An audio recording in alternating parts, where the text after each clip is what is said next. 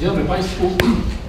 Ja nazywam się Piotr Szlanta i byłem obowiązku w przypadku udziału e, poprowadzenia tego naszego dzisiejszego popołudniowego spotkania. Bardzo miło mi, że mimo tej słonecznej pogody, jak Państwo zdecydowali się na tutaj przyjść i z nami, e, z nami przez te 90 minut e, pobyć, posłuchać tego, co mamy do powiedzenia, ale także mam nadzieję na, na, na, na, pytania, jakąś interakcję także z, z salą. E, no przyznam się, że ja wymyśliłem tenże temat, który się organizatorom spodobał i, i zamiast wykładu przekształcił się w, w, w panel dyskusyjny, z czego się e, cieszę.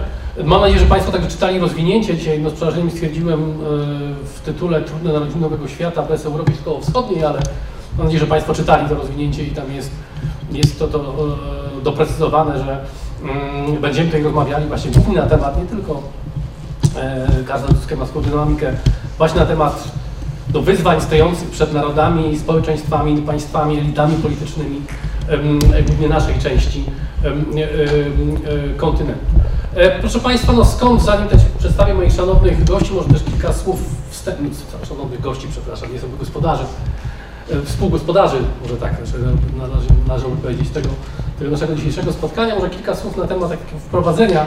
No, w listopadzie 1918 roku zamilkły no, działa na froncie, na froncie mm, e, zachodnim. E, zakończył się w ten sposób, czy zakończyły się działania wojenne, może tak, tak formalnie sama wojna, e, które trwały 4 lata, przekształciły się w konflikt totalny, który mm, drenował zasoby ludzkie, materiałowe, em, finansowe, które kosztował życie około 10 milionów żołnierzy.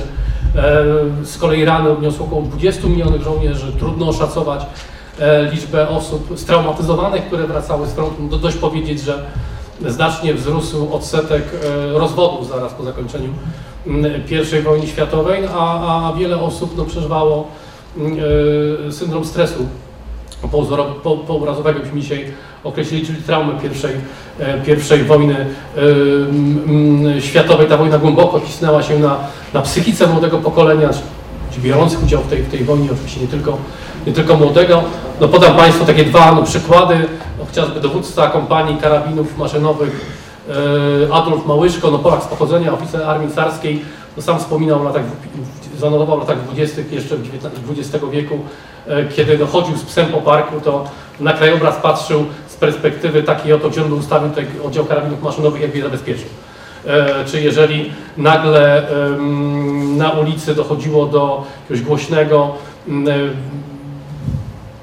odgłosu o początkowo nieustalonej, nieustalonej przyczynie, no, no mężczyźni padali na ziemię, tak? To był taki odruch bezwarunkowy, który miał chronić ich, ich, e, e, ich życie.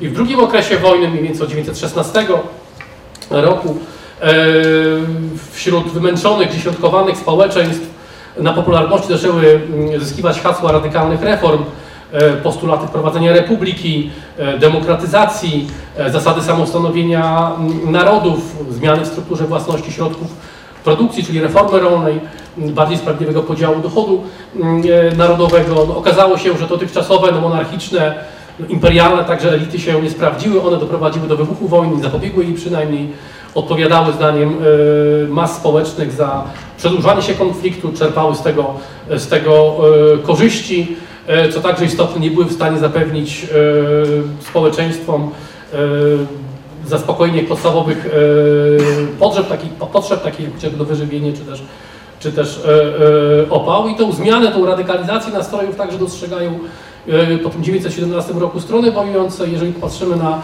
państwa Entente i na propagandę wojenną, to po obaleniu Seratu w Rosji mm, wiosną 1917 roku, po proklamowaniu w Rosji Republiki oraz po przyłączeniu się miesiąc później do wojny Stanów Zjednoczonych, tę wojnę w propagandzie przedstawiano jako właśnie konflikt tego nowego świata demokratycznego, republikańskiego, e, chciało się rzeczy liberalnego, e, z, z tym starym ładem, który musi odejść do, mm, do przejść do nauk historii, czyli ładem monarchicznym, imperialnym, autokratycznym, takim półfeudalnym, reprezentowanym przez mocarstwa mm, e, centralne. Tak samo mocarstwa centralne dostrzegły tęże zmianę, no, również głosiły hasło nowego porządku opartego zasadę samostanowienia.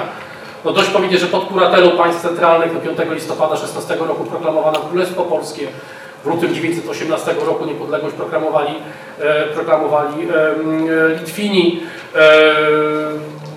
W lutym 1918 roku także państwa centralne podpisują pokój w Brześciu Litewskim z nowo powstałym państwem ukraińską, ukraińską Republiką Ludową. Tak, z kolei no, sam prezydent Stanów Zjednoczonych Woodrow Wilson w styczniu 1918 roku kreśli plan swojego nowego, plan nowego porządku, porządku powojennego, mającego zapewnić trwały i, stabilny pokój, w którym właśnie zasada między innymi prawa do samostanowienia ludów występuje oraz także zasada jawnej, jawnej dyplomacji, ponieważ no, społeczeństwa europejskie były przekonane, że za wybuch I wojny światowej, tą hekatombę odpowiada właśnie ten oto mechanizm, w którym o polityce zagranicznej decydują wąskie elity, e, natomiast społeczeństwo same, społeczeństwo nie jest informowane o tajnych traktatach, które po wejściu e, w życie mogą na zasadzie pewnego mechanizmu, jak 1914 roku doprowadzić do I wojny światowej. E, w tej walce z tym starym reżimem, tą tajną dyplomacją także mają udział bolszewicy, mianowicie po przejęciu władzy także na gwałt publikują dokumenty dyplomatyczne z mm, archiwów archiwów e, e, dyplomacji carskiej. E, natomiast jednak zawieszenie broni w tego 11 listopada przynosi rzeczywiste wstrzymanie przelewu krwi. No nic takiego nie dzieje się w Europie Środkowo-Wschodniej. No, z perspektywy no, miast i wsi regionu no, niewiele się zmienia. Jak zanotował anonimowy kronikarz w klasztorze jezuickim w Herowie we wschodniej Galicji, gdzieś na przełomie 1918-1919 roku, E, po łacinie, ja to zacytuję w, w, w, tłumaczeniu, także z Wielkiej Wojny narodziła się wojna e, narodów. Tak? Wojna narodów w naszej części Europy, czy też no, wojna pigmejów, jak to chętnie określano w Europie, e, w Europie Zachodniej. Takiego, takiego terminu używał także chociażby Winston, mm, e, Winston e, Churchill. No fakt, że no, świętujemy setną rocznicę uzyskania niepodległości 11 listopada 18 roku, podobnie jak to święto, święto, mm, ten dzień świętem państwowym w wielu krajach europejskich, chociażby takich jak Francja, Wielka Brytania czy, czy, czy Belgia, no to jest to koincydencja, tak? to zbieżność terminów. Więc 11 listopada, jak Państwo doskonale wiedzą, no, Józef Piłsudski, to brygadier, który wrócił dzień wcześniej z specjalnym pociągiem z, z Berlina, ściągnięty tutaj, czy wypuszczony przez Niemców właśnie w nadziei na powstrzymanie rewolty bolszewickiej i zapewnienie bezpiecznej ewakuacji setek tysięcy niemieckich żołnierzy stacjonujących w Europie Środkowo-Wschodniej, um, otrzymał pełnię władzy, pełnię władzy wojskowej i, i to wydarzenie urosło do rangi, do rangi e, symbolu. E, także no w Europie w listopadzie 18 roku wojna się nie, e, nie kończy, nie zawarto także między innymi rozpoczynają się nowe konflikty, konflikty chociażby no, graniczne tego 11 listopada, no, najlepsze trwa chociażby walka, walka o, o, o Lwów. Także no, wojna nie kończy się ze względów no, formalnych, także gdyż dopiero w 18 roku, w czerwcu podpisano traktat pokojowy wersalski, mm, e, kończący wojnę z, z Niemcami, po którym nastąpiły traktaty pokojowe, podpisano traktaty pokojowe z, w, Saint-Germain, z, z Austrią, traktat pokojowy w Neili z Bułgarią, czy czy też traktat pokojowy w, w Trianon w 1920 roku. Natomiast w naszej części Europy pewnej stabilizacji możemy mówić dopiero po 1921 roku. Już w latach w roku 20 no, Związek Radziecki podpisuje serię, czy Rosja Radziecka jeszcze w tym czasie, serię traktatów pokojowych z e, Estonią, Litwą, Łotwą, pod koniec tego roku z Finlandią, w 21 roku w marcu mm, z Polską, także wówczas kończy się, e, kończy się e, wojna domowa w samej, w samej Rosji. E, no a w 23 roku no, Rada Ambasadorów, raz mamy traktat w Lozannie, który z kolei na nowo kształtuje ład w, na guzach Imperium Tureckiego, czy, czy w tym 23 roku także Rada Ambasadorów Ligi Narodów ostatecznie zatwierdza istniejące granice w naszej części e, Europy. I dlatego no, wpadłem na pomysł, aby na ten temat tutaj z moimi e, szanownymi, z moją koleżanką, moimi szanownymi kolegami mm, podyskutować. Pozwolę sobie Państwu teraz przedstawić uczestników tego naszego dzisiejszego e, spotkania. E, może zacznę od mojej lewej strony. E, po mojej lewej stronie siedzi profesor Tadeusz Rutkowski, który broni balw klubowych Historycznego Uniwersytetu Warszawskiego, ale także samego Uniwersytetu, gdzie zajmuje się między innymi historią mm, naszej uczelni. E, Do jego zainteresowań badawczych należą dzieje Polski. W XX e, wieku no, ostatnio publikował chociażby takie prace jak Józef Polikarp, Polikarp Brudziński, budował w, dniu, e, w dniach zamętu i, i zwątpienia. E, Nauki historyczne w Polsce w latach 1944-70, zagadnienia polityczne i organizacyjne, e, Stanisław Kot e, między nauką a mm, polityką. Z kolei po prawej stronie chciałem Państwu przedstawić dr Agnieszkę Janiak-Jasińską, specjalistkę od historii społecznej, e, także uprawiającą to diaboliczne gender studies, e, współwydawcę serii e, Kobieta I, która prezentuje aspekty historii społecznej także no, historii, historii kobiet. No, jej praca magisterska opublikowana już jakiś czas, jakiś czas e, temu dotyczyła reklamy prasowej w XIX wieku. Tutaj w Polsce była praca, praca pionierska wydana, co mi się wydaje, godne, e, godne podkreślenia. E, Nieco dalej na prawo profesor Michał e, Leśniewski, także z Instytutu Historycznego Uniwersytetu Warszawskiego, specjalista dziejów e, powszechnych e, Imperium Brytyjskiego, w tym także no, do polityki zagranicznej Imperium Brytyjskiego, również względem naszej części regionu zainteresowania e, profesora Leśniewskiego także e, no, koncentrują się na, na, na tych relacjach wewnątrz imperium e, i, i, i zwłaszcza tym, co się działo się w południowej Afryce. No, ostatnio publikował w języku angielskim książkę poświęconą incydentowi w Clip River w 1847 roku, ale także i bez, bez odczytywania tytułów prace dotyczące relacji pomiędzy Burami, Brytyjczykami i Afrykanami w XIX wieku, czy też monografię wojny, wojny burskiej.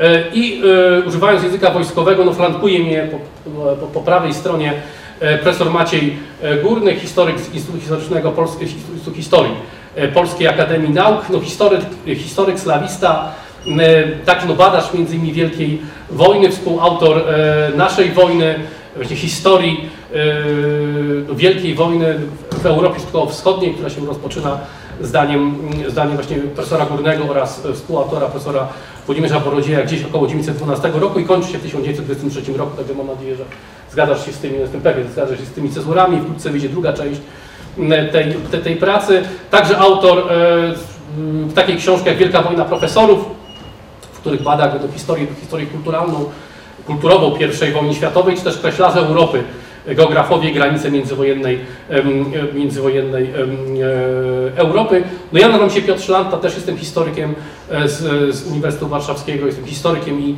i, i- i pol- politologiem, zajmuję się przełomem historią no, XIX wieku, przełom XIX e, i XX. No, ostatnio publikowałem, ostatnio no, kilka lat temu, biografię Wilhelma II, natomiast no, teraz jakoś na no może nie na dniach, a na tygodniach ma się ukazać moja książka dotycząca stosunku Wilhelma II i do, do, do jego polskich e, e, poddań. E, To tyle gwoli, e, gwoli e, e, wstępu do tej naszej, do tej naszej, e, do tego naszego spotkania. E, e, Tak, oczywiście, proszę bardzo. To ja pozwolę sobie na Tak? przepis, bo skoro diaboliczny gender To było został ironiczne przywołany, oczywiście. oczywiście ja to mówię z uśmiechem, no to trochę wejdę w swoją rolę i tak e, nieprotokolarnie, nie pro, e, zachowam sobie powiem maleńki przepis, proszę Państwa. Nie wiem, czy słychać? Głośniej, tak, tak, głośniej. E, jeden, bo Pan Profesor mówił o symboliczce daty 11 listopada. I muszę tu zrobić ten mały przepis, bo to rzeczywiście bardzo symboliczna data. Dokładnie w tym samym dniu Józef Piłsudski spotyka się z Centralnym Komitetem Politycznym Równouprawnienia Kobiet Polskich. Z reprezentacją wszystkich kobiet polskich, które zdążyły porozumieć się pomiędzy podziałami politycznymi od skrajnej lewicy po prawicę, z reprezentacją kobiet wszystkich środowisk społecznych, od robotnic po ziemianki i ustalić, że wszystkie one żądają pięcioprzymiotnikowego prawa wyborczego. I one tego 11 listopada spotykają się z Piłsudskim, wręczają mu pisemną rezolucję, którą mówią Polska ma być demokratyczna, żądamy pięcioprzymiotnikowego e, prawa wyborczego. To oznacza prawa, która przede wszystkim spełni ich żądania, będzie prawem powszechnym, obejmującym także kobiety. Więc e, skoro tak mówimy o tym 11 listopada jako rzeczywiście takim haśle wywoławczym, prawda, trochę takiej symbolice dnia, to może warto pamiętać, że to jest taki dzień, w którym nie tylko Piłsudski się objawił i, i, i rzeczywiście tak symbolicznie stanął na czele, ale w którym było także miejsce na powiedzenie, że, to, że ta przyszła Polska będzie demokratyczna, to znaczy łącznie z kobietami. I że po raz pierwszy te kobiety tak politycznie zadziałały razem i poważnie zostały potraktowane. Przypis mały do wątku, No, który czy- pojawi się dużo Czy później. rzeczywiście poważnie, E, że to tak, że na ile mieliśmy do czynienia rzeczywiście z równouprawnieniem, do tego jeszcze wrócimy, ale dziękuję Ci Ale Agnieszko za, taka istotna. za, za wstęp. No, Piłsudski oczywiście dla niego to były bardzo intensywne dni. E, tego 10 listopada to, to odbył bodajże 20 spotkań politycznych, tak? Z różnymi przedstawicielami, przedstawicielami różnych grup politycznych, także, także i ze środowiskiem mm, e, e, kobiet. Ale to ma być panel dyskusyjny, więc miałbym tutaj do Was wszystkich e, e, takie pierwsze, pierwsze z pytań. E, Jak sądzicie, dlaczego to wypracowanie tego nowego ładu w Europie Wschodniej było tak długotrwałe i, i bolesne? Czy występujące tutaj problemy narodowościowe, e, społeczne, no, trzeba było rozwiązywać metodami y, y, siłowymi? Czy, czy przy wykreślaniu tychże mm, map e, tych konfliktów, konfliktów no, militarnych, użycia sił, przedłużania tejże, tej, tejże przemocy, czy można było tego uniknąć? Tak? Może Ciebie poproszę, jako może od tej strony, jeżeli zechciałbyś jako pierwszy, od prawej strony. Dziękuję. Mam nadzieję, że Państwo mogą mnie usłyszeć. W ogóle nie. Mamy tak, na, świeci się, że jest Piękna zieleń.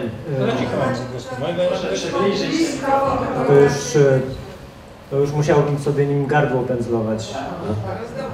Teraz dobrze? Dobrze. Dobrze, to mm, za cenę mm, urazu kręgosłupa będę się starał być słyszalny. Dlaczego, dlaczego było tak trudno zakończyć tę wojnę i dlaczego, dlaczego to tak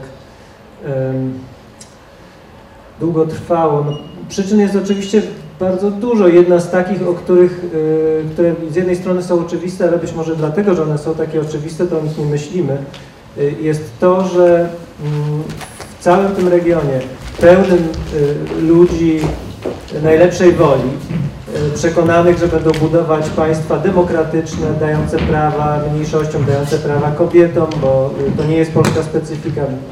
Prawie wszystkie nowo utworzone państwa w regionie nadają prawa wyborcze mm, kobietom. Jakby z jednej strony wszyscy chętnie, przynajmniej werbalnie, nadadzą te prawa mniejszościom, ale jednocześnie nikt sam nie chce być mniejszością. Y, To jest y, intelektualne wyzwanie, na które żaden ruch narodowy w tym regionie, poza Żydami, nie był gotowy. Do tego trzeba mieć jakąś tam wiedzę, trzeba nad tym pomyśleć. Y, Know-how trzeba mieć. Y, Zaplanować to, jak nasze y, przedstawiciele, jak, w jaki sposób nasz naród będzie y, reprezentowany w państwie, w którym y, dominującą stroną jest jakiś inny naród. Y, Taka refleksja się rodzi dopiero w okresie międzywojennym. Pierwsza taka, znaczy poza, poza jak już mówiłem, poza żydowską reprezentacją polityczną, która w ten sposób myśli już od początku. W innych grupach narodowościowych to się, to się pojawia dosyć późno. W latach dwudziestych w, w Rumunii powstaje taki węgierski y, ruch polityczny y, w Siedmiogrodzie, który się nazywa Transylwanizm i, i on zasadniczo deklaruje wierność państwu rumuńskiemu i odrzuca również węgierski nacjonalizm, uznając, znaczy też formułując poniekąd lekko szowinistyczne hasła, z tym, że ten szowinizm jest w ich wydaniu regionalny. Nie jest, nie jest to szowinizm narodowy. Y, Inne, inne mniejszości mają z taką z takim ustawieniem się w tej nowej rzeczywistości potężne problemy. Ślązacy y, próbują nawet być obecni na, y, na konferencji paryskiej, składają oferty głównie Czechosłowakom, natomiast działacze śląscy trafiają do, do więzień zarówno po polskiej, jak i po niemieckiej stronie granicy i z obu stron patrzy się na nich jak na zdrajców. W, w miejscach, które można by pomyśleć, że nadawałyby się do tego, żeby tworzyć takie, e, takie, mm, takie, takie poligony współżycia międzynarodowego, powiedzmy. No. W Prusach Wschodnich, które są niemiecką enklawą, e, otoczoną e, Polską i, Litwą i, i, i Gdańskiem, e, zamiast e, dążyć do tego, żeby jakąkolwiek e, współpracę, czy w ogóle jakąkolwiek komunikację z tymi sąsiadami poza Gdańskiem nawiązać, buduje się najtwardszą wersję niemieckiego nacjonalizmu, o czym Robert Traba napisał bardzo, bardzo dobrą książkę o tym, jak wschodniopruskość się wykuwa nowy niemiecki nacjonalizm, ludzi, którzy w zasadzie w domu mówią po polsku, bo to są Mazurzy. No więc jakbym miał sobie wybrać e, e, taką jedną, e, jedną odpowiedź, która tłumaczy, dlaczego tak trudno było zakończyć te konflikty, e, to, to ona by była e, w planie ogólnym taka, że e, bardzo dużo środowisk, które w momencie wybuchu I wojny e, były może niebierne, ale mało aktywne, w czasie I wojny się e, zaaktywizowały E, i w szczególności e, przedstawicielstwa e, grup etnicznych żyjących na tym, e, na tym terenie formułowały takie postulaty, które się wzajemnie w żaden sposób nie, dały, nie dawały pogodzić, bo każdy był y, fantastycznie, koncepcyjnie przygotowany do tego, żeby być większością we własnej ojczyźnie. Y, Nikt nie był y, gotowy na to, żeby, y, żeby stać się mniejszością y, w ojczyźnie wspólnej. Michale, chciałbyś może tutaj zabrać głos? Ty też jako badacz Imperium Brytyjskiego, e, no nie tylko Polska uzyskiwała kraj, kraj naszego regionu, ale chociaż no Irlandia, tak, w podobnych warunkach. Także był porządek e, imperialny, mieliśmy do czynienia z konkurującymi nacjonalizmami, konfliktem także, także e, religijnym, czy też ostrym konfliktem wewnętrznym zakończonym wojną domową w latach 1922-23. E, Czyli po pierwsze, no, teoretycznie się mówi, że historyk nie powinien mówić, e, że nigdy się coś nie może wydarzyć. E, Ty zadałeś najpierw pytanie, czy te konflikty były nieuniknione. Moim zdaniem były. Zbrojne, znaczy Były nie- nieuniknione i to jakby w postaci zbrojnej. Dlaczego? Dlatego, co powiedział mój przedmówca. E, Bo można zadać proste pytanie, które nie jest prostym pytaniem. Do kogo powinien wtedy należeć Lwów? I każda ze stron miała równie dobre argumenty. Ja nie chcę stawać po żadnej w tym momencie stron. To nie jest e, jakby, jakby myślenie historyka. Prywatnie można sobie porozmawiać o różnych rzeczach. Natomiast natomiast zadajmy, zwłaszcza jeżeli sobie przypomnimy, e, i to będzie pewne podobieństwo też do kwestii irlandzkiej, że ta granica ukraińskości i polskości nie była jednoznaczna i wyraźna. Ona często dzieliła jedną rodzinę, braci, e, kuzynów i tak. To nie jest tak, że mamy wytyczone jasno granice, gdzie możemy łatwo przeprowadzić linię, czy to będzie jedna, druga czy piąta wersja linii Kerzona, czy jakiejkolwiek innej sobie wymyślimy. Nie ma takiej linii. Te społeczności nie dość, że mają odrębne ambicje, to żyją, czy aspiracje, to żyją w takim wymieszaniu i w takim e, no, właściwie szukamy właściwego słowa, no wymieszaniu zostańmy przy tym, że właściwie no właśnie, albo ktoś zaakceptuje dominację drugiej strony, na co nikt praktycznie nie jest gotowy, albo y, próbujemy wytyczyć jakąś linię podziału. Problem polega na tym, że jej się wytyczyć nie da. Bo jakbyśmy jej nie wytyczyli, ktoś będzie niezadowolony, nie ma siły. I to de facto dotyczy wszystko jedno, gdzie, gdzie będziemy patrzeć, czy to będzie granica między Polakami i Ukraińcami, czy to będzie granica między Litwą a Polską, czy będzie granica między Łotwą a Litwą, też bez pozorom były problemy, e, a gdzie e, granice, i, i właściwie może, naj, ale nawet w przypadku Finlandii nie jest proste, jak wiemy, e, właściwie w żadnym przypadku nie było proste. Zresztą tu jest o tyle podobieństwo do wspomnianego przez Ciebie kazusu irlandzkiego, no bo też e, dzisiaj łatwo, nie wiem, historykom irlandzkim mówić o różnych e, kwestiach e, podziału, tylko pytanie, gdzie biegła granica podziału między Irlandczykiem a Brytyjczykiem. To nie jest tak, że każdy katolik uważał się za Irlandczyka, a każdy protestant za Ulsterczyka czy Brytyjczyka. Nie, ta, ta linia nie biegła. Jakby tak często sprowadzamy, bo jest wygodnie bo to wtedy zwłaszcza dydaktycznie dobrze przedstawić, pr- jest klarowne, proste, tylko że jest fałszem tak naprawdę. E, Wystarczy wspomnieć, że kiedy w 1916 roku wybuchło powstanie wielkanocne w Dublinie, to większość irlandzkich mieszkańców Dublina, delikatnie mówiąc, nie była zadowolona. Z bardzo różnych powodów, żeby było jasne. Tych powodów było bardzo dużo, ale były sceny, kiedy kobiety irlandzkie, nie brytyjskie, irlandzkie katolickie kobiety obrzucały, nie wiem, obierkami ziemniaków i jajkami prowadzonych do niewoli powstańców. To się zmieni niedługo potem, dlatego że Brytyjczycy tam się niezbyt inteligentnie zachowali, to jest osobna kwestia.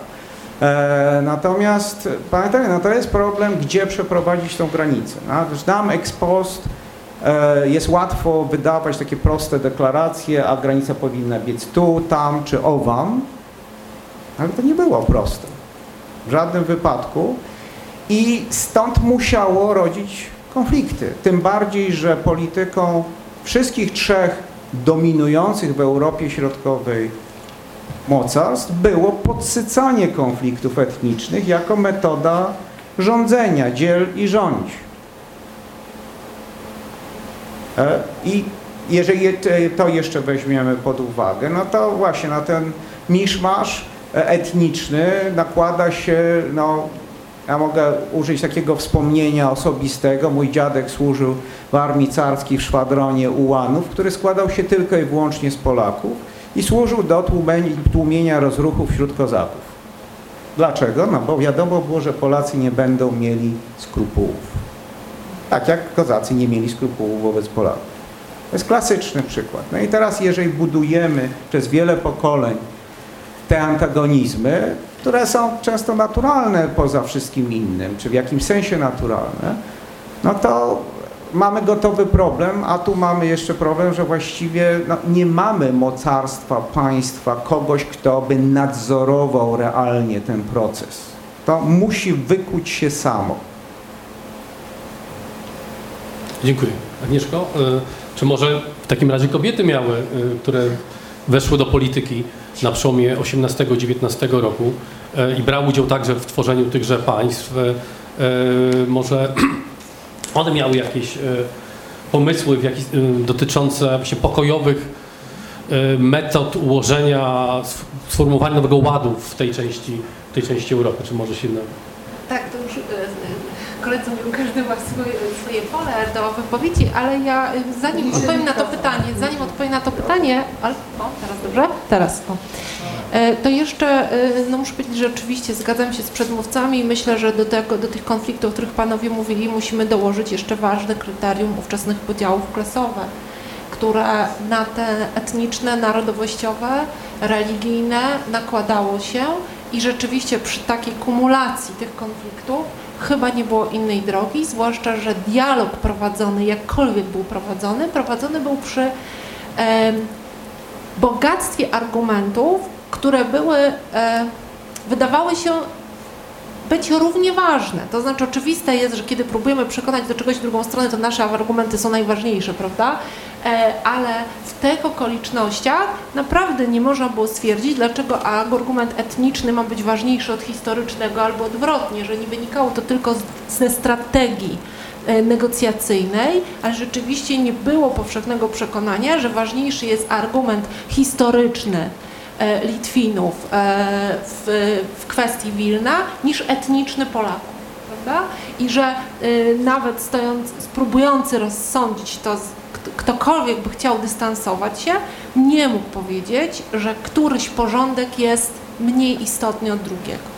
E, Co do kobiet, to muszę powiedzieć tak, one miały przez chwilę chyba ogromne przekonanie, że wejście kobiet do polityki na równych prawach z mężczyznami zmieni politykę. To był jeden z argumentów przez wiele lat przytaczanych w walce o dostęp do równych praw e, politycznych. To przekonanie, że e, kobiety ze swej natury, z istoty płci e, są gotowe do dialogu, są gotowe do rozwiązywania pokojowego konfliktów, do rozmowy, są wrażliwsze, empatyczne, z natury rzeczy cenią sobie pokój. są bardziej zapobiegliwsze. Kobiety, y, generalnie większość ówczesnego świata uważała, że jest coś takiego jak specyfika płci e, i że to i mężczyźni i kobiety wielu uważało, że rzeczywiście jest taka obiektywna różnica między kobietami i mężczyznami. I wynikając, wychodząc z tego założenia, nawet działaczki ruchu kobiecego uważały, że w związku z tym, jeżeli te kobiety o takich cechach wejdą do polityki, która jest zdominowana przez męs, je- jest męska i siłą rzeczy ma męskie cechy, jest wojownicza, brutalna, agresywna, e, bo tak definiowano e, płeć męską, to znaczy, że ta polityka się zmieni że właśnie kończy się czas wojen, zacznie się czas współpracy. No, tu padały konkretne, często w wystąpieniach publicznych kobiet padały konkretne przykłady, jak zmieni się język polityków, który przestanie być wulgarny, przestanie być, y, y, czy to polityku lewicy, czy prawicy, nie będzie wystąpień grożących już przeciwnikom politycznym. No i bardzo szybko, pierwsze miesiące polityki uprawianej przez kobiety w zdominowanym przez mężczyzn parlamencie pokazały, że nic z tego się nie spełni. E, Że to się nie odmieni jak za dotknięciem zaczarowanej różdżki. Oczywiście one wyciągały wniosek z tego taki, że wynika to z niedoreprezentacji kobiet bo my musimy, musimy uświad uświadomić, że to wejście kobiet do polityki jest naprawdę symboliczne. E, Podam przykład y, Parlamentu Polskiego, tak? Przez całe, 20, przez całe 20 lat y, II Rzeczpospolitej w ławach poselskich zasiadało łącznie około 2,5 tysiąca parlamentarzystów, w tym 49 kobiet. Tak? W odsetkach możemy powiedzieć 2%. Mamy średnio 2% kobiet w polskim parlamencie. Mamy jeden wyjątek, to jest początek lat 30., gdzie ich jest aż 4%. To jest jednorazowa akcja.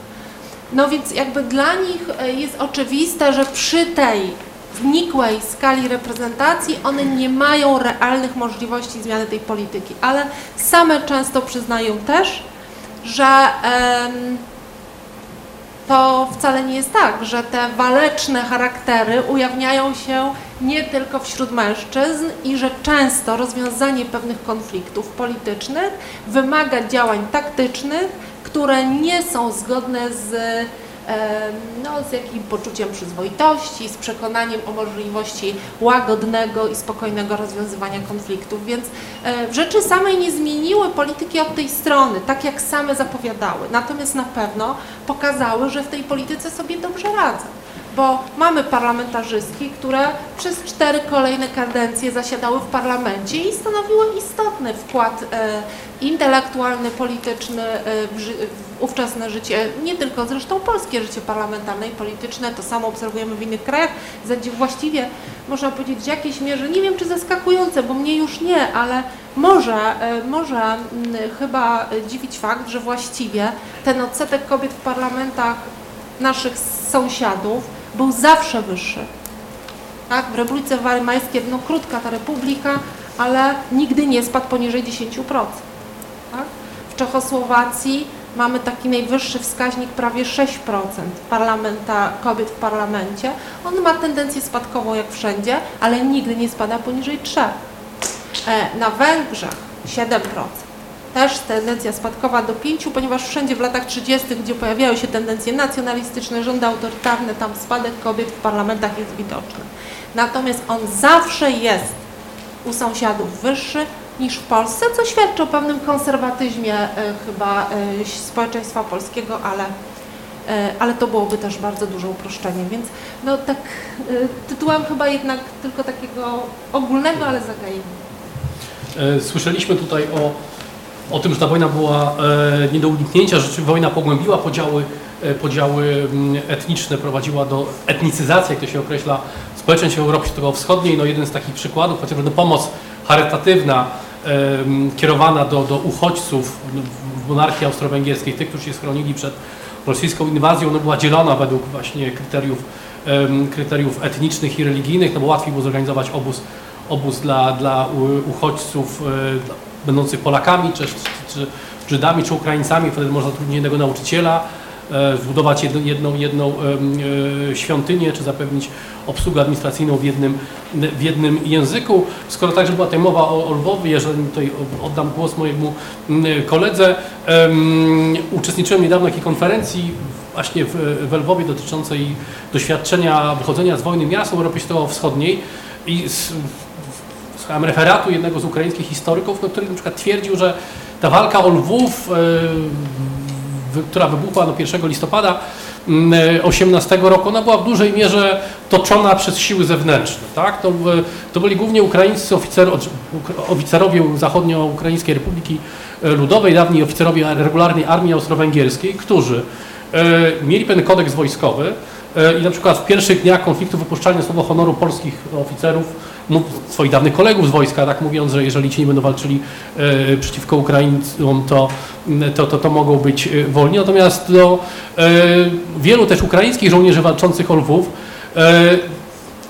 dla nich ta wojna była niezrozumiała. Owszem, chcieli tworzyć Ukrainę, ale u siebie w domu, u siebie na wsi, tak, w małych miasteczkach. Lwów dla nich był obcym, obcym miastem i ta, ta przemoc, ta brutalizacja tego konfliktu, no zdaniem tego mojego ukraińskiego kolegi, ona też polega na tym, że ten konflikt po stronie polskiej włącza się e, młodzież, ludzie, którzy nie, ludzie, którzy nie przeszli przez szkoły wojskowe, którzy się wychowali między innymi właśnie na, na, na, na, na, Sienkiewiczu, którzy nie przestrzegali tego, tego, e, a na pewno nie wszyscy tego, tego kodeksu, mm, e, kodeksu prowadzenia, e, prowadzenia wojny. Natomiast więc słowem, wojna polsko-ukraińska Lwów była w dużej mierze toczona e, rękami e, no nie mieszkańców miasta, tak, którzy także tworzyli rodziny, e, rodziny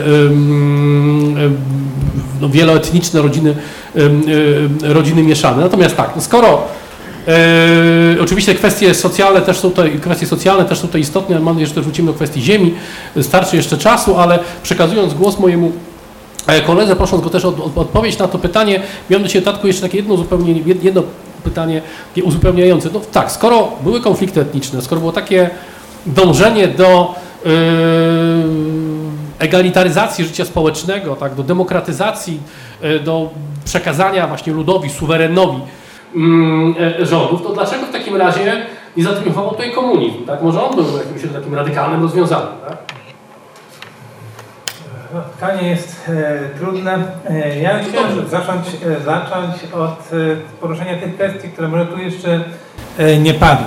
E, Jeszcze banalnie, banałem jest twierdzenie, że e, to, co się dzieje w Europie Środkowo-Wschodniej i generalnie w, w tej części Europy, e, to jest upadek wielkich mocarstw e, w tego regionu. A przede wszystkim e, rozkład e, Rosji, klęska Niemiec, rozpad e, Austro-Węgier, czy jest to tworzenie czegoś nowego na gruncie państw, imperiów, które istniały w tym kształcie ponad e, 100 lat, w zasadzie więcej. A czyli innymi słowy upada ten kształt administracji częściowo aparatu władzy, także który do tej pory tutaj e, funkcjonował, upada e, w takim, no właśnie, to troszkę już tutaj e, zwłaszcza profesor Górny mówił, no, upada autorytet e, e, warstw rządzących e, w sposób nagły. No nie jest przypadkiem, bo to chyba też nie do końca wybrzmiało, że te prawa dla kobiet chodzi, prawda? ale generalnie też i powszechne prawo wyborcze i prawa socjalne, one są w dużej mierze przyznawane w tej, w tej skali właśnie w Europie e, Środkowo-Wschodniej. Na Zachodzie trwa ten proces znacznie e, dłużej, ponieważ tu dochodzi do załamania się, załamania się istniejących struktur państwowych, e, także prawnych, na czegoś, co robi wrażenie takiego wielkiego kotła, prawda, z którego nie wiadomo, co się wynurzy. I w tym aspekcie faktycznie nie widać, nie, zwłaszcza, że trzy mocarstwa, które w tym regionie istniały, naprowadziły swoją politykę narodowościową, swoją politykę e, wewnętrzną. No, nie widać takiej możliwości, żeby to się dało w danym momencie, no, w sytuacji roku 18 pogodzić e, w sposób właśnie spokojny, e, no tak jak trochę się rozstała Słowacja z Czechami w roku 51. E, Tego, e, trzecią, przepraszam. To się, to się, to się, to jest po prostu niemożliwe. I tworzy się w zasadzie nowa jakość. Nowa jakość, która też wymaga pewnego, pewnego utrwalenia świadomości wielkiej tego świata. Bo o tym, co zresztą było powiedziane, to, że powstanie Polska w takim, nie innym kształcie, że powstanie Czechosłowacja, e, co, się, co będzie na wschód, prawda, jaka będzie granica Polski i co, jakie tam będą kraje, to nie jest takie oczywiste i co zresztą ostatnio, e, ale rzecz wiadomo, ale dobrze, dobrze pokazał profesor Andrzej Nowak, prawda, byt Polski jako kraju samodzielnego nie był wśród możnych tego świata taki oczywisty. Prawda? Można było e, sobie wyobrazić świat, e, Europę bez, bez Polski.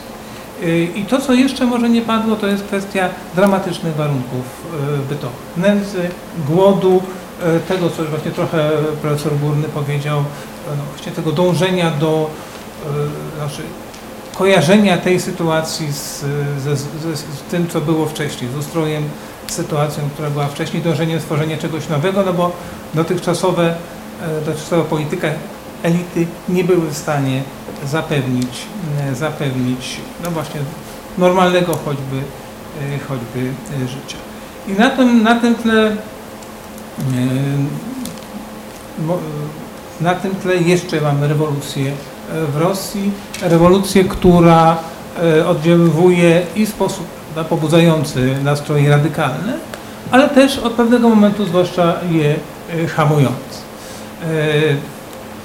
To jest może częściowo e, odpowiedź na Twoje pytanie. Prawda, że to, co się dzieje po rewolucji, po zamachu stanu bolszewickim, no jest jednak zarówno przez elity, ale przez znaczną część, no przynajmniej świadomego społeczeństwa odbierane jako coś, co jest już e, anarchią, co jest czymś niedemokratycznym, co jest czymś jakimś jednak e, wy, mm, wynaturzeniem. E, Oczywiście bardzo mocno wpływa na postawę elit społecznych dotychczasowych, także tych lewicowych, jak i na postawy choćby kościoła, e, który wzmacnia ten odruch krytyczny wobec tego, co robią bolszewicy. I e, z jednej strony, z drugiej strony mamy coś, co często w publicystyce było nazywane prawda, em, przybieraniem kostiumu, czyli innymi słowy em, przeprowadzaniem reform czy pewnych e, być może w większym zakresie niż by to e, zrobiono normalnie, właśnie ze względu na konieczność szczepienia, prawda, czy e, społeczeństwa przed, przed bolszewicką zarazą. Tutaj takim z głośniejszych e, elementów mm, na przykład był 8-godzinny dzień pracy. No i potem e, była sytuacja, kiedy w Polsce roboty to 8 godzin, Niemieccy 10 godzin i Polscy nie są na przykład, no, polskie firmy nie są konkurencyjne wobec niemieckich. Czyli, ale tego typu działania, także wybory, także prawa kobiet powodują, że tak powiem, stworzenie pewnego wentylu przed nadmiernym e, radykalizmem. E, Tylko, że to nie dotyczy częściowo Europy, znaczy terenów powiedzmy na wschód od e, linii Kerzona, też jest to linia absolutnie umowna. Tam na dużej mierze jest, zaczyna się z jednej strony bardzo drastyczne dochodzenie swoich praw socjalnych, z drugiej strony anarchia, brak władzy. Po trzeciej strony od pewnego momentu re, e, niezwykle częste zmiany stanu posiadania danych terytoriów przez, e, przez posz, e, poszczególne ze stron. E, To widać bardzo, klasycz, bardzo wyraźnie na przykład na przykładzie Kijowa, który przechodzi z rąk do rąk kilka razy, który po prostu już ludność czy Kijowa, czy okolicznych miast jest obojętna, boi się tylko nowego, na zasadzie czyli nowi, no, na nowo rabować. Tak? To już jest, i, I tutaj się, tutaj gdzieś pojawia się właśnie to wyjałowienie, e, wyjałowienie polityczne, brak e, struktur. Być może właśnie gdyby nie rewolucja bolszewicka, ten proces przebiegałby e, inaczej. Trudno powiedzieć, czy lepiej, być może mniej gwałtownie. Czy ja, jeżeli mógłbym coś Tak, dodać, to znaczy, bo dwie rzeczy, znaczy rzeczywiście warto podkreślić, zaczynając od jednej kwestii, to co padało to, ale to naprawdę trzeba mocno podkreślić, to znaczy tą nędzę, która dotyczyła tą tej części Europy. Musimy sobie uświadomić, że o ile na froncie zachodnim pierwsza wojna światowa to jest przede wszystkim dramat, tragedia, masakra o wojny pozycyjnej w okopach, gdzie giną żołnierze i, po prostu jest to koszmar. Wystarczy listy wystarczy przeczytać na zachodzie bez zmian i widzimy jaka jest ta wojna. E, ale w tej części Europy, gdzie też mamy przykłady takiego doświadczenia, widzę, przemyśl i to, co tam się działo, jednak takim dojmującym doświadczeniem większości ludzi był głód i niedobór praktycznie wszystkiego.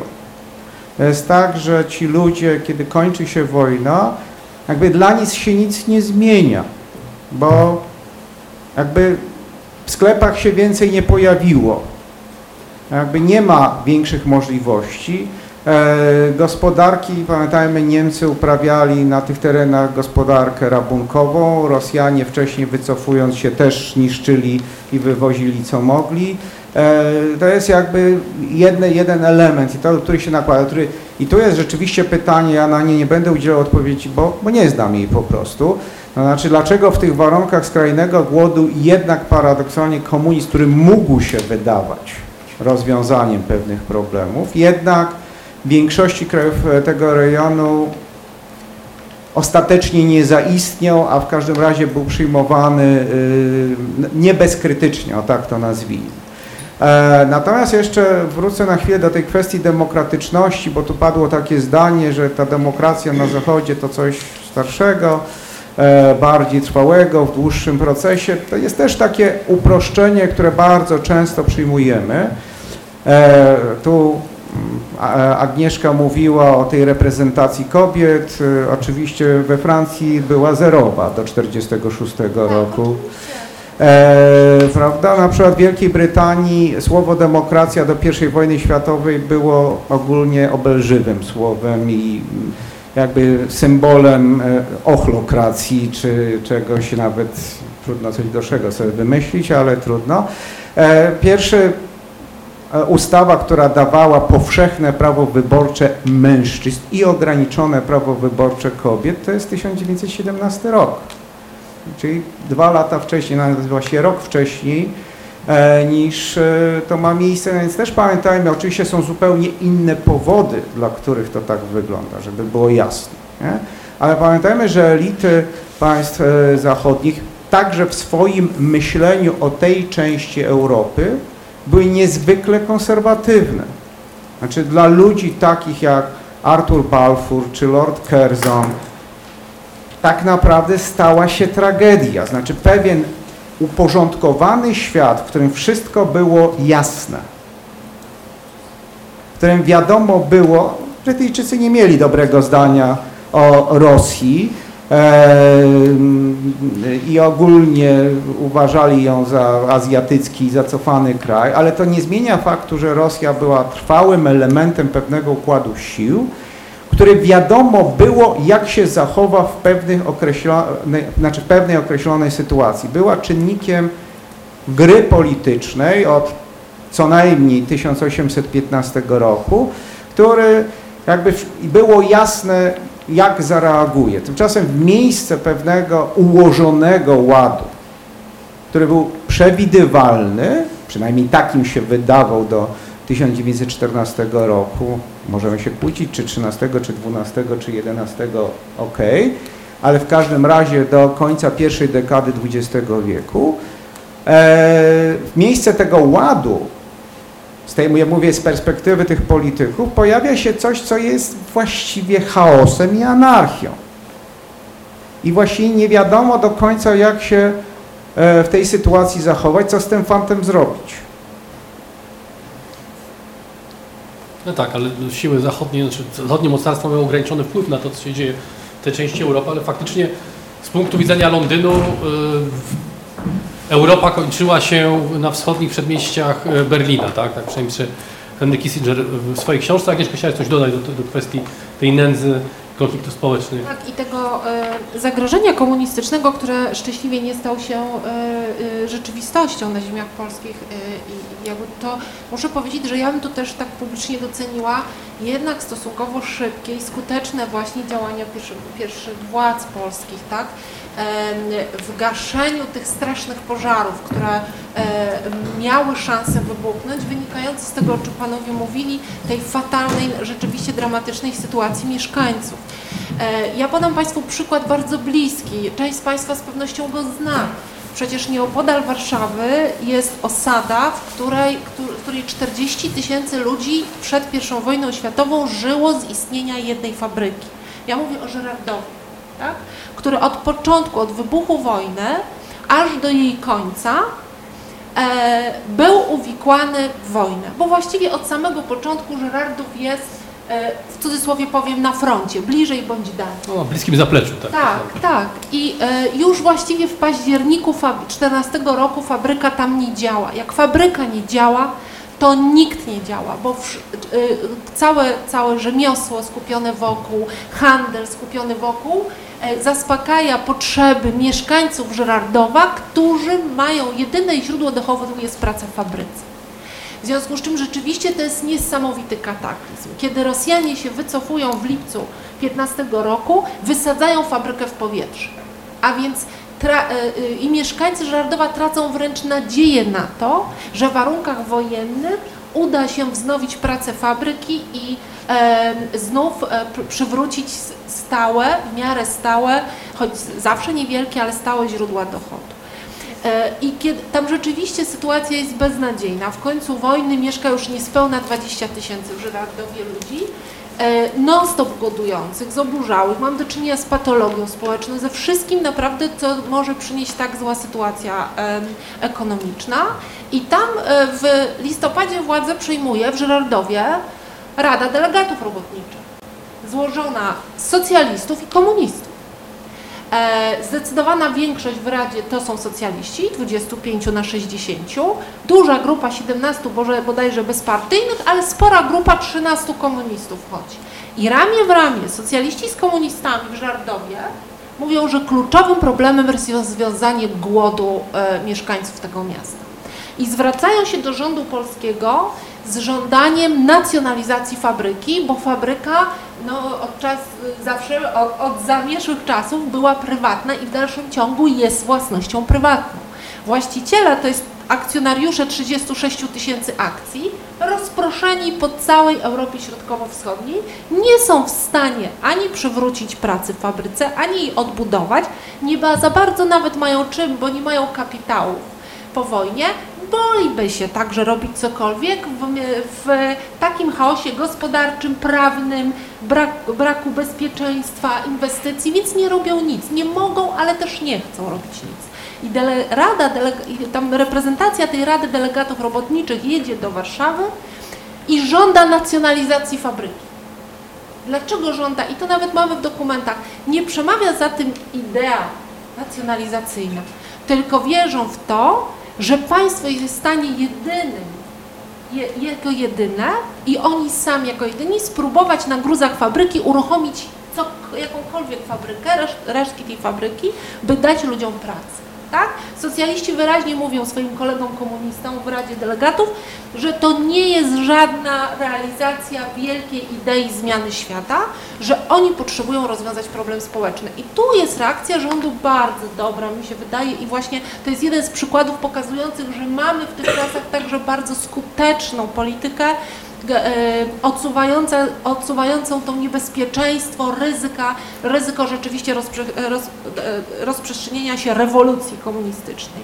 Otóż e, rząd korzysta wówczas z dekretu o zabezpieczeniu mienia właścicieli, e, ma, e, e, majątku prywatnych właścicieli i nie nacjonalizuje fabryki, ale wprowadza zarząd państwowy fabryką, co oznacza, że nie pozbawia właścicieli własności dla zasady. Pokazuje wyraźnie, że chroni własność prywatną, ale jednocześnie stara się rozwiązać problem tych ludzi i natychmiast zapożyczone pieniądze inwestuje w Żerardów, by postawić go na nowo. I rzeczywiście do 23 roku mamy na nowo odbudowaną, przynajmniej częściowo fabrykę, w której znowu około 6 tysięcy ludzi ma pracę. Przed I wojną światową tam pracowało regularnie prawie 9 tysięcy ludzi. A więc na, na przykładzie Żardowa, ale takich przykładów w skali polskiej i także w, innych krajach Europy Środkowo-Wschodniej byśmy zna, znaleźli, ta szybka reakcja na ziemiach polskich dla mnie kluczowa, w tak trudnych warunkach ekonomicznych, walutowych, prawnych, każdych innych, ta szybka reakcja, która próbuje pogodzić wartości e, liberalne, e, prawda, właśnie chociażby prawo do własności prywatnej z potrzebą zabezpieczenia podstawowych potrzeb ludności, e, mieszkańców miast, no i wsi. Czyli zbierając te, e, zanim Maćku przekazać Ci głos, zbierając te, te, te wątki, mm, Wasze odpowiedzi, czy propozycji interpretacji na mm, te, tego, tej, tej tezy, czy, czy pytania dotyczącego dlaczego w Europie Środkowo-Wschodniej władz nie przyjęli komuniści, interwencjonizm państwa, tak, 8 godzin dzień, dzień pracy, zapewnienie e, lęk przed takim e, chaosem porewolucyjnym, silna pozycja Kościoła. Maćku, coś jeszcze? Ty masz jakiś pomysł? Pamiętajmy, proszę Państwa, i też to jest też taka może wskazówka do wątku, jaki mógłby się ewentualnie tutaj rozwinąć, że mamy do czynienia ze społeczeństwami agrarnymi. Jest powszechne dążenie do reformy rolnej tak, w tej naszej części świata. PSL w 1919 roku, PSL w styczniu dostaje tak, e, w, w dawnym Królestwie Polskim wyborach do Sejmu Ustawodawczego 22%, natomiast oba PSL, i Lewica, i, i, i Piast w Galicji Zachodniej, gdzie te wybory można było przeprowadzić, 49. Także liderzy Konstantin Pec, Karlis Ulmanis na Łotwie, Konstantin Pec z Estonii, to są działacze partii, e, partii chłopskiej. Maćku, czy w takim razie no właśnie, na Zamku Królewskim e, działacz PPS-u zawiesił czerwony sztandar, tak, jak powiedziałeś na jednym z, z wykładów 13 listopada i nikt nie śmiał go zdjąć przez kilka, e, kilka tygodni. Tak. Powstaje także e, Komunistyczna Partia Polski w grudniu. Słowem, e, dlaczego pomimo tejże właśnie biedy e, te rozwiązania e, rodem z, z, z, z, Piotrogrodu i z Moskwy nie przyjmują się w tych państwach Europy Środkowo-Wschodniej. No, y, krążymy, wokół, y, krążymy wokół tego y, kluczowego problemu dla regionu, który jest w przeważnej mierze poza wyjątkami, to znaczy poza ziemiami czeskimi i Austrią, znaczy okolicami Wiednia tak naprawdę, jest rolniczy. Y, I ktokolwiek chciałby y, tutaj w 18 roku y, przejąć władzę na dłużej, musi zaoferować coś chłopom. To jest przyczyna, dla której niektórzy gracze polityczni w Europie Środkowo-Wschodniej zachowują się po prostu histerycznie. Znaczy, ukraińska państwowość zaczyna od tego, żeby chłopom y, rozdać wszystko, co się da, oczywiście kosztem posiadaczy ziemskich. Y, Kolejne uniwersały, które są no, ważnymi dokumentami, takimi stopniami ku ukraińskiej niepodległości, one jakby od czwarty uniwersał powiela to, co w trzecim już jest. Y, Tak, to, to przekazanie ziemi we własność chłopów bez odszkodowania dla jak- jakichkolwiek właścicieli ziemskich, włącznie z niezbyt licznymi, ale jednak e, ukraińskimi właścicielami ziemskimi. Efekt jest taki, że mm, chłopi owszem biorą ziemię, ale nie wspierają państwa ukraińskiego. Y, Polityka wobec chłopów to jest też poniekąd odpowiedź na to pytanie, dlaczego y, rewolucja się tutaj nie udała. Y, No bo za- zastanawialiśmy się nad tym, y, co jej zapobiegło ze strony tych młodych państw, które, które wobec tego zagrożenia stanęły, ale, y, no ale jakby druga połowa przyczyny, dru, jakby połowy przyczyn należy szukać po stronie komunistów, którzy się nie wykazali e, wystarczającymi zdolnościami, żeby, e, żeby przeprowadzić swoje. No i jedną z odpowiedzi na, na to jest e, właśnie ich polityka wobec chłopów. I to e, zarówno w Polsce, gdzie nie mieli okazji jej realizować, znaczy zaczęli ją realizować, ale sam pomysł niczego dobrego nie obiecywał, jak i w miejscu, gdzie, za, gdzie ją praktycznie zrealizowali, to znaczy e, na Węgrzech, gdzie Mówimy o kolektywizacji, prawda? tak, gdzie, gdzie komuniści władzę przejęli. No i zarówno na Węgrzech, jak i w Polsce doszło do y, różnicy zdań pomiędzy lokalnymi y, liderami ruchu komunistycznego, a Leninem, który no, z jednej strony wiedział lepiej, z drugiej strony myślę, że to właśnie ta, ta różnica zdań pokazuje, jak jak bardzo cynicznym był, był politykiem, zwłaszcza w porównaniu z tymi kolegami z Polski czy Węgier. Y, Lenin radził, żeby y, chłopom rozdać ziemię, żeby ta Armia Czerwona z Komitetem Polskim y, weszła do Polski, rozdając ziemię natychmiast. Y, To samo radził Węgrom. Ani, y, ani Bylo Kun, ani Julian Marchlewski nie byli skłonni się na coś takiego zgodzić. Dlaczego? No właśnie to, o tym też żeśmy słyszeli.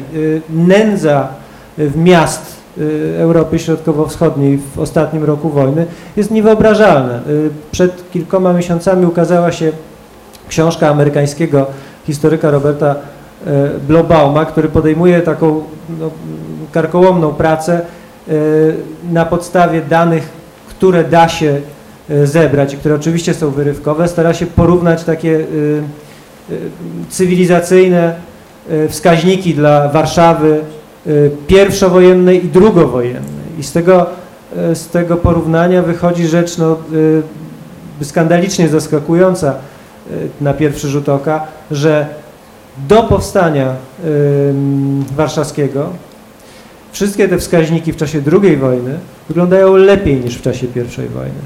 Mimo getta, mimo Holokaustu, mimo Treblinki.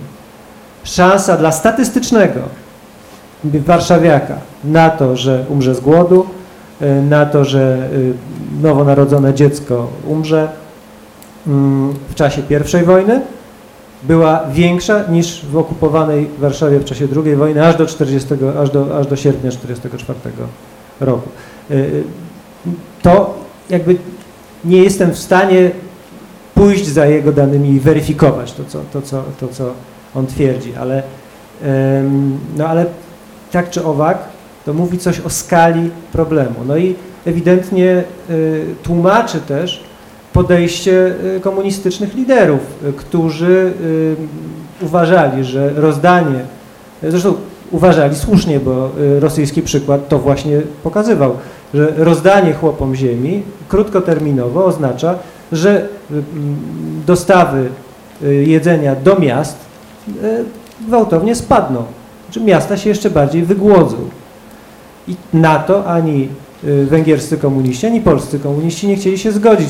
Na Węgrzech, gdzie y, kolektywizację przeprowadzono, wyglądała ona na tyle zabawnie, że, y, no, że już wtedy się z, niej, się z niej naśmiewano, to znaczy w wielkich majątkach ziemskich nie zmieniło się zupełnie nic, poza tym, że przestały być własnością swoich arystokratycznych właścicieli, tylko stały się własnością państwa, ale cała ta kadra, ten ekonom, który tym biczem poganiał e, e, robotników rolnych, e, cała, cała no, buchalteria w przypadku większych, większych majątków, to wszystko zostało na miejscu. Dostali czerwoną gwiazdkę na, na, na, na budynek i zmienili pracodawcę, ale poza tym struktura, struktura się zachowała. No i coś takiego e, występowało w komunistycznej polityce wobec e, wsi w parze z zapowiedziami zmian własnościowych.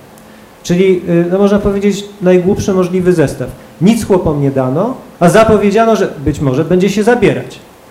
I y, przy pomocy takiej, y, jakby ta polityka, to, to, to, to, co komuniści mieli do zaoferowania, właśnie nie mieli do zaoferowania chłopom, to jest trochę taki, taki dodatek. No to, co rzut oka na tę na drugą stronę. To, jest nie tylko, y, to są nie tylko nasi nowi przywódcy, no, nie tylko polityczne elity państw Europy Środkowo-Wschodniej, które zdają egzamin y, z, z empatii wobec swoich y, obywateli, no ale to są też komuniści, którzy z różnych przyczyn y, nie są w stanie ich przelicytować. Dziękuję. Skoro wiemy, że Marchlewski ani Kun nie, nie mm, utrzymali się na dłużej na tych na obszarach, z kolei dawne elity, jak też już słyszeliśmy, straciły legitymizację sprawowania e, mm, e, rządów, także rządów dusz, no część, jak chociażby Mikołaj II wręcz zszedł z tego świata. E, rządy w tychże państwach musiały przyjąć nowe elity. Stąd też pytanie do Was, skąd te elity się czerpały, tak? Jaka była legitymizacja tychże elit? Oczywiście ona musiała być demokratyczna w tych wszystkich krajach. Przeprowadzono, mm, e, wprowadzono ustrój demokratyczny wzorowany na, na, głównie na ustroju III Republiki Francuskiej. Zwoływano także do parlamenty ale jak wiadomo, y, no chociażby taki Piłsudski w 26 roku do władzy nie doszedł dzięki, dzięki y, wyborom. Słowem, skąd się biorą te elity, jak się legitymizują, jakie są mity założycielskie tychże nowych, nowych państw? Może Michale jakbyś Znaczy nie, miał jakieś przemyślenia na ten temat? Nie wiem, czy Chyba, że jestem ktoś... najlepszym, nie wiem. Tak, Tadek? Proszę. Dobrze. E, To ja musiałem taką rzecz, no, która już w tej chwili jakoś tam się mocniej prze, przebija e, w polskiej, nie tylko polskiej historiografii, mianowicie e, kwestia tego, że polskie państwo także jako ta struktura władzy, jako administracja państwowa nie powstaje w roku 18. E, To są już działania od co najmniej od roku e, 14, kiedy Sarat jest bardziej skłonny do ustępstw, kiedy ta e, władcom na Polakach zaczyna bardziej zależeć. W przypadku Królestwa Polskiego to jest rok e, 16, kiedy powstaje Tymczasowa Rada Stanu, później Rada Regencyjna i to jest nie tylko ta pierwsza polska władza z, obcego nadania, ale to jest także e, aparat administracyjny, to jest także praca koncepcyjna nad państwem. Czyli Piłsudski, który nie 11 listopada, ale 24 przejmuje e, pełnię władzy e, w Polsce, dysponuje nie tylko aparatem urzędniczym, nie tylko e, ministerstwami, które już funkcjonują, które działają, które mają jakieś prawda, zaplecze myśli i prawnej, i politycznej, ale dysponuje także właśnie pomysłami podstawowymi na to, na to co dalej. Jeden z historyków obliczył, że w zasadzie do końca lat 20. ten średni aparat administracyjny się właściwie prawie nie zmienia. Dyrektorzy, e, zastępcy dyrektorzy naczelnicy pozostawali e, w zasadzie e, bez zmian. Mamy przy dużej fluktuacji władzy tej najwyższej zachowaną stabilność, ciągłość struktur państwowych. Skąd się biorą te elity? Na przykład, że odchodzi administracja, e, administracja e, państw e, e, zaborczych i jest też duże, duże pole do awansu. Dla, dla ludzi wykształconych czy, czy sprawnych po prostu, nie tylko wykształconych w, tym dzisiejszym znaczeniu, to też trochę powoduje absorpcję, prawda, czy, czy, czy możliwość awansu także dla klas niższych, prawda, przez wykształcenie, przez wykazanie się, możliwość awansu w armii, w policji, e, możliwość wchodzenia w struktury nowego, e, nowego, e, nowego e, państwa. Elity administracyjne, co zresztą jest sporem no, i żartów, ale i sporów historiografii od no, kilkudziesięciu co najmniej lat, no, pochodzą także w części w Galicji. I tutaj no, jest prawda, bardzo silny opór, to, scalenie, scalenie administracyjne państwa, nie mówię już o scaleniu prawnym, które następuje dopiero tak naprawdę w latach 30. Kodeksy e, prawne zostają ujednolicone na początku lat 30. Wcześniej mamy trzy różne systemy prawne, trzy, trzy różne systemy komunikacyjne, ale też do urzędników z tradycjami z trzech różnych systemów biurokratycznych. Armię z oficerów z trzech różnych rodzajów szkół. To wszystko e, wymaga ujednolicenia, które trwa, e, ale no, zostaje zrobione chyba w stopniu moim zdaniem godnym podziwu.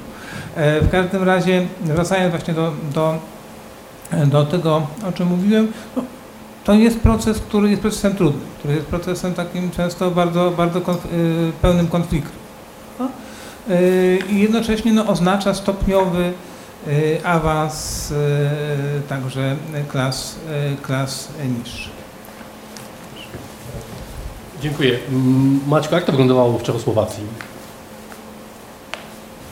Jest taka anegdota, w której chyba tak, znaczy ona jest śmieszna, ale to chyba też jest prawda, że y, w przeddzień y, powstania Republiki Czechosłowackiej, y, Republika Czechosłowacka świętuje 28 października, Rada Narodowa z Pragi za pośrednictwem swojego przedstawiciela przy rządzie wiedeńskim poprosiła o urlop y, dla kluczowych y, urzędników y, wiedeńskich ministerstw, prze- przede wszystkim Ministerstwa Finansów, narodowości czeskiej na najbliższych kilka tygodni, ponieważ będą oni potrzebni na miejscu. Oni ten urlop dostali, podobno, przyjechali. No, bo byli potrzebni. Minister finansów pierwszy czechosłowacki, Alois Rashin, y, opowiadając o tym, o wielkiej rewolucji, bo o tym, co się wydarzyło w Czechosłowacji, pisało się w międzywojnie i mówiło się jako o rewolucji. Tam właściwie, może właściwie bez ofiar. Y, Alois Rashin mówił, że w rewolucji kluczowe jest, żeby wiedzieć, co zrobimy pierwszego dnia, co zrobimy w ciągu pierwszych pięciu minut, co zrobimy w ciągu pierwszego kwadransa i wszystko mieć rozpisane.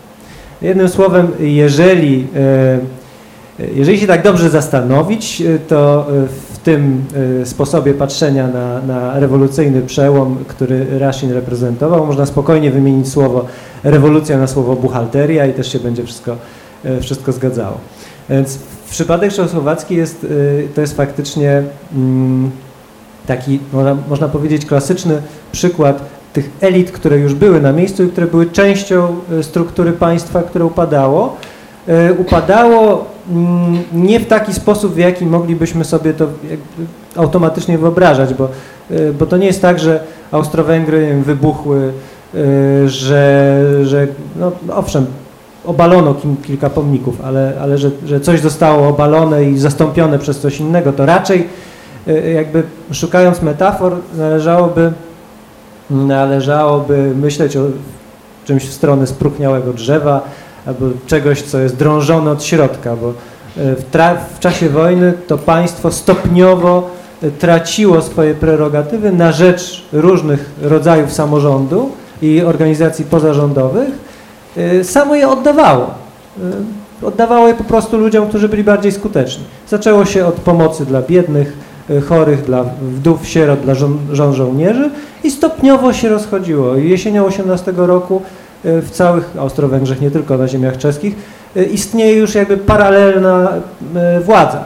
Jest sobie rząd centralny, urzędnicy centralni, jest też armia, to co, co już jest, to już są dwie równoległe struktury, no i jest też samorząd, są rady narodowe, które są praktycznie gotowe do tego, żeby na tym lokalnym poziomie przejąć władzę. W, w przypadku Austro-Węgier to przejęcie władzy na ogół następuje no, zdumiewająco gładko. Łącznie z y, tym, że y, zachowana jest ciągłość wypłacania świadczeń. Y, To jest, taka, to jest taki upadek imperium, taka, taka rewolucja, że renta spóźni się owszem, ale nie więcej niż dwa tygodnie. No czyli no, tylko sobie życzyć takich, takich politycznych przełomów.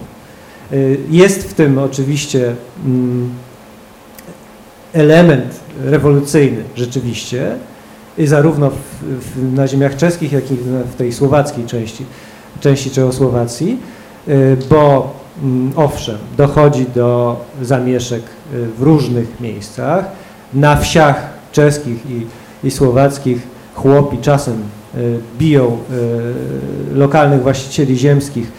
Dochodzi też do mm, niewielkich pogromów, wystąpień antyżydowskich, a w miastach, włącznie z Pragą, pojawia się coś takiego jak takie, takie akcje, w Pradze to się nazywało y, Czarna Ręka, akcje rep, e, e, e, e, mm, przywracania sprawiedliwości e, klasowej, sp- społecznej. Znaczy grupy, e, grupy robotników wyrzucały co bogatszych mieszczan, na ogół niemieckiej narodowości, z ich mieszkań, żeby tam w tych mieszkaniach osiedlić mm, bezdomnych, bezrobotnych. Taka, taka akcja. To jest, to, to jest y, taki rodzaj rewolucyjnego bezprawia, który towarzyszy e, towarzyszy narodzinom państwa czechosłowackiego, natomiast dosyć szybko się kończy, bo y, policja i żandarmeria działają, y, struktury się dosyć szybko odradzają i, y, i, i tam dosyć prędko ta nowa władza y, zaczyna, że wchodzi w buty tej, y, tej, tej poprzedniej władzy. No zresztą ciągłość y, personalna w bardzo wielu y, momentach też jest, y, też jest zachowana.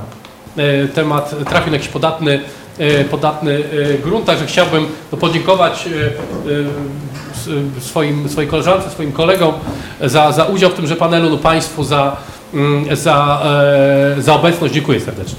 I my dziękujemy i zapraszamy na pozostałe debaty i imprezy festiwalowe. Bardzo, bardzo dziękuję.